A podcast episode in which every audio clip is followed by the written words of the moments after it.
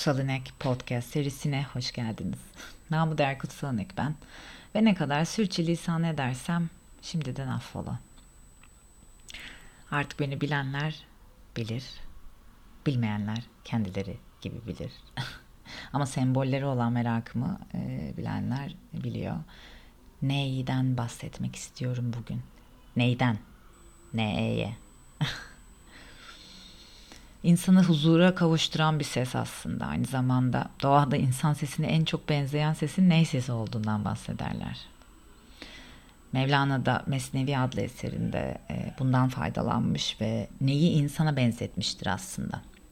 Ve neyin sesinin e, insan sesine benzemesinin sebebinin insanın yaradanından ayrı olduğu için bu dünyada ağlamasıdır diye bahseder. Yani ruhun ağlaması diye bir feryat.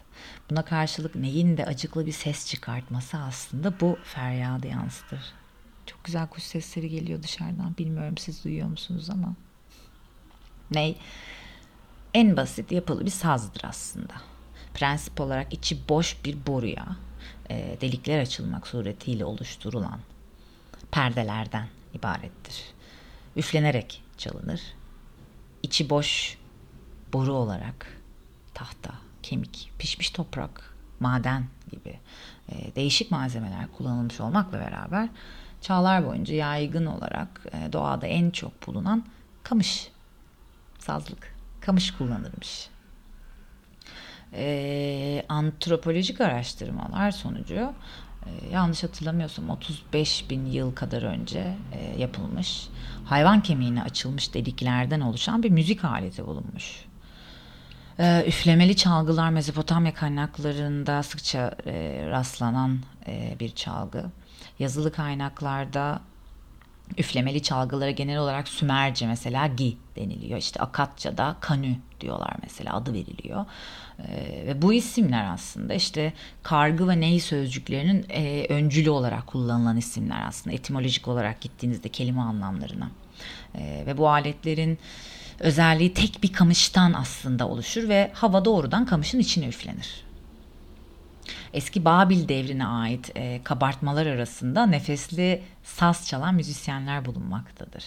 E, mesela Hitit metinlerinde de işte Mezopotamya kaynaklarında e, bilinen uzun kamışın üflemeli çalgı olarak adı geçer.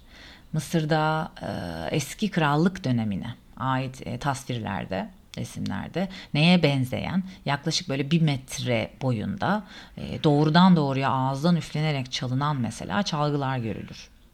Yani bu alet daha sonraki dönemlerde de aslında çok da fazla değişmeden gelmiş e, bize kadar şu anda ulaşmış. Yunan mitolojisinde mesela üflemeli çalgıların e, daha sonraki felsefeleri uzanan hikayesi de ilginç.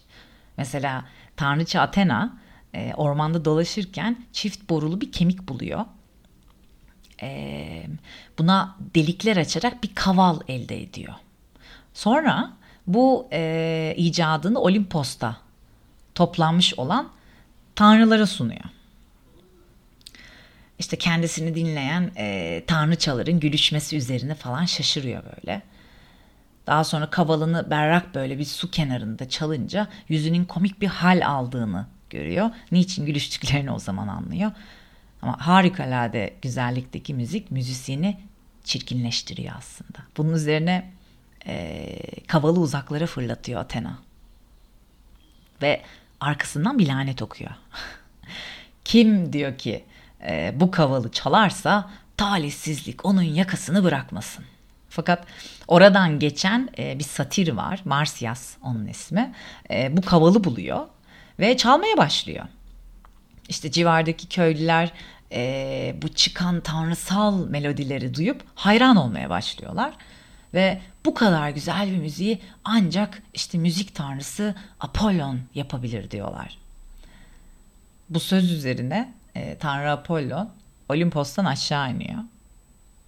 Ve bu işte kavalı bulup çalan Marsyas'a Satire bir yarışma yapmayı teklif ediyor.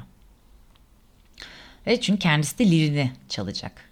Ee, sanat ve bilim tanrıçaları Musaların jüri olduğu bir yarışma yapılıyor. Bu yarışmada hangisinin iyi olduğuna karar veremiyorlar.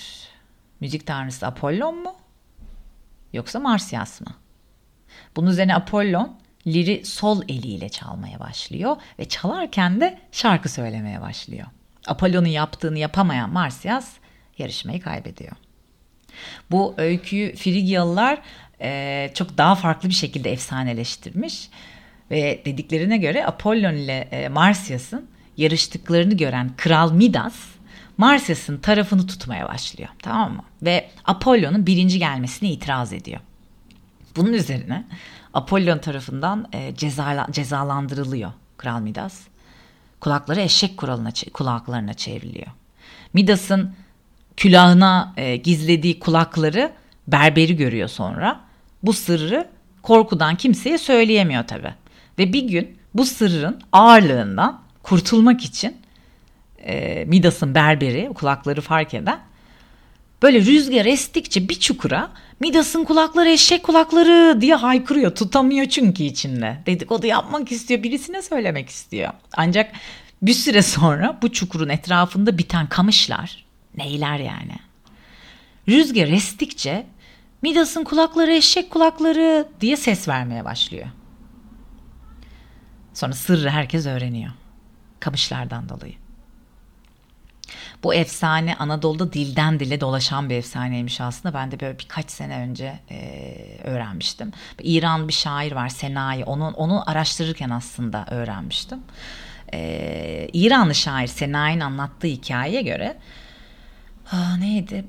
Bir padişah e, sırdaşına başkasına anlatmaması şartıyla bir sırrını söylüyor.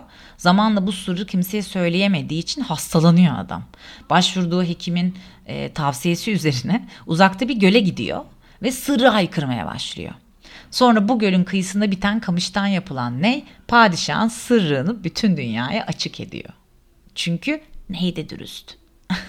Bu efsane hatta ve hatta Hazreti Ali'ye kadar e, ulaşmış, uyarlanmış e, bahsedilmiş.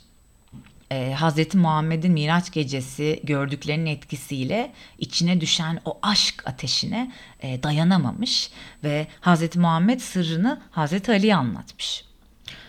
Aynı aşk ateşiyle yanmaya başlayan Ali sırrı bir kör kuyuyu açmış. Bir gün peygamber e, çevresindekilerle gezinirken kulaklarına Hazreti Ali'ye anlattığı sırrın sözleri gelmiş. Kuyunun içinden yükselen bir kamış rüzgarda sallandıkça sırrını söylemeye başlamış.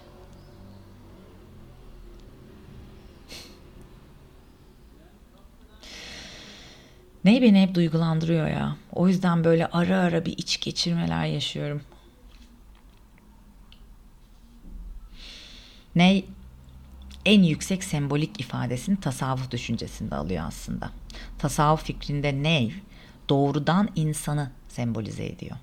Ney ve arif insan arasındaki benzerlikleri de işte e, birkaç şekilde anlatıyorlar aslında. Neyden aşıkane sesler çıkar. Arif olan insandan da aşıkane sözler çıkar. Neyin sesi ve ariflerin sözleri dinleyenlerin aşkını arttırır derlermiş. Neyin hüneri görünen cisminde değil, içinde. Ariflerin de üstün özellikleri içlerinde. Neyin boyu doğru ve düzgündür. Ariflerin de huyu. Neyin içi boş. Yalnız aşkın nefesiyle dolu. Arifler de kin ve nefretten uzak. Kalbi yaradan aşkıyla dolu. Yani aşkı iki kişinin arasından ötede görüyor artık. Ney kendiliğinden ses çıkarmaz. Bir üfleyicinin nefesine ihtiyacı vardır. Muhtaçtır ona. Arif de bir silsile içinde bağlı bulunduğu mürşit ile aynı sesi çıkaran bir saz gibidir. Bir ney gibidir aslında. Bu benzetmeler abartılı bir sembolizm içerir, doğrudur. Doğu edebiyatındaki abartılı sembolizmin bir dereceye kadar sebebi bazı düşünürlerin engin hoşgörüsünü, e, tutucu olanların zorla izah ettirmeye aslında çabasıdır. Doğu edebiyatında ve bir dereceye kadar tasavvuf edebiyatında övgüyle bahsedilen aşk, şarap, raks, musiki gibi konulara dönem dönem tutucu kişiler tarafından aslında muhafazakar kişiler tarafından belki de kelimeleri yanlış anlamış ve bakış açısı daha genişlememiş kişiler tarafından e, asıl anlamlarından farklı olarak aşırı sembolik anlamlar yüklenmeye başlanmıştır. E, saptırılmıştır. Ama ancak tasavvuf düşüncesinde neyin öyle derin bir sembolik anlamı vardır ki her türlü abartıdan uzaktır. Ney? Doğrudan insanı, insanın yaşam çilesini sembolize eder. İslam inanışına göre Bezmiyeles denilen bir mecliste Tanrı Allah ruhları yarattıktan sonra ben sizin Allah'ınız değil miyim diye sorar. Ruhlar evet diye cevap verir. Bu sonsuz coşku dolu ruhun hazların ve mutlulukların da üzerinde olduğu Allah ile Tanrı ile beraber olduğu zamandır ruhların. Daha sonra ruh varlık alemine gönderilir. Ruhun varlık alemine gönderilmesi aslından kopuş, bir ayrılık, ayrılıştır. Tıpkı ana rahmindeki bebeğin ağlayarak doğması gibi. Ruh dünyada bilerek veya bilmeyerek sürekli aslını aramaya çalışır. Kendini hapsolduğu bedensel zevklere zaman zaman kaptırır insan çünkü. Kaptırsa da ızdırabı yaşadığı sürece bitmez. Diyorum ya. Biz su altına gireceğiz, suya gireceğiz. Önemli olan sudan da çıkmayı bilmek bazı zamanlarda. İşte kendini hapsolduğu bedensel zevklere zaman zaman kaptırsa da nihayet takdir edilen sürenin sonunda ölüm. Aslına dönüş. Vuslat dedikleri işte açıklamak gerekirse. Mevlana ölümü kavuşma olarak bilir, anlatır. Ardından gelenler onun öldüğü geceyi, şebiyoruz yani gelin gecesi, düğün gecesi diye asırlardır anmaktadırlar.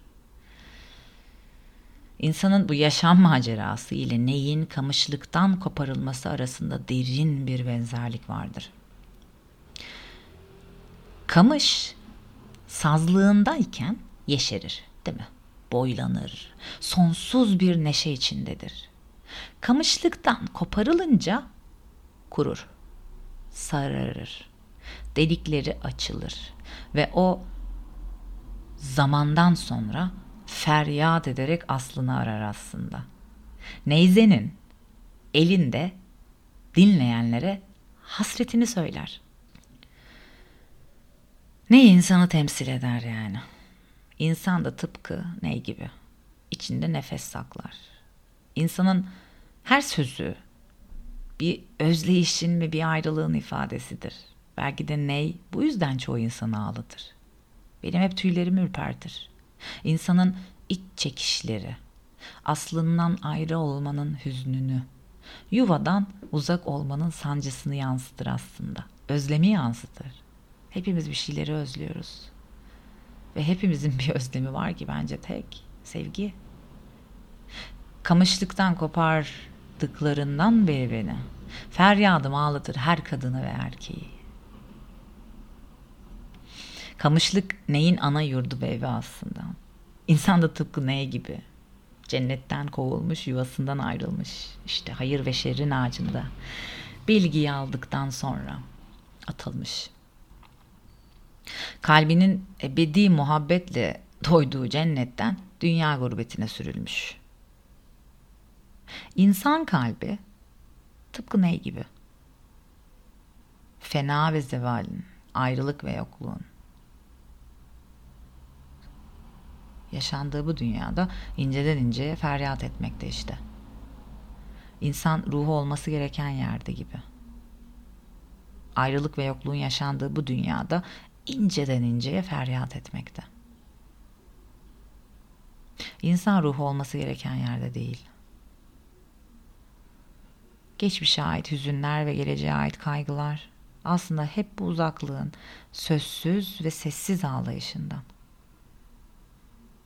Öyle ki neyin yedi deliği insan vücudundaki deliklere benzetilmiş. Dokuz boğumu insanın ana rahminde geçirdiği dokuz ayla ilişkilendirilmiş. Böyle işte ney? Güzeldir. Dinleyin zaman zaman.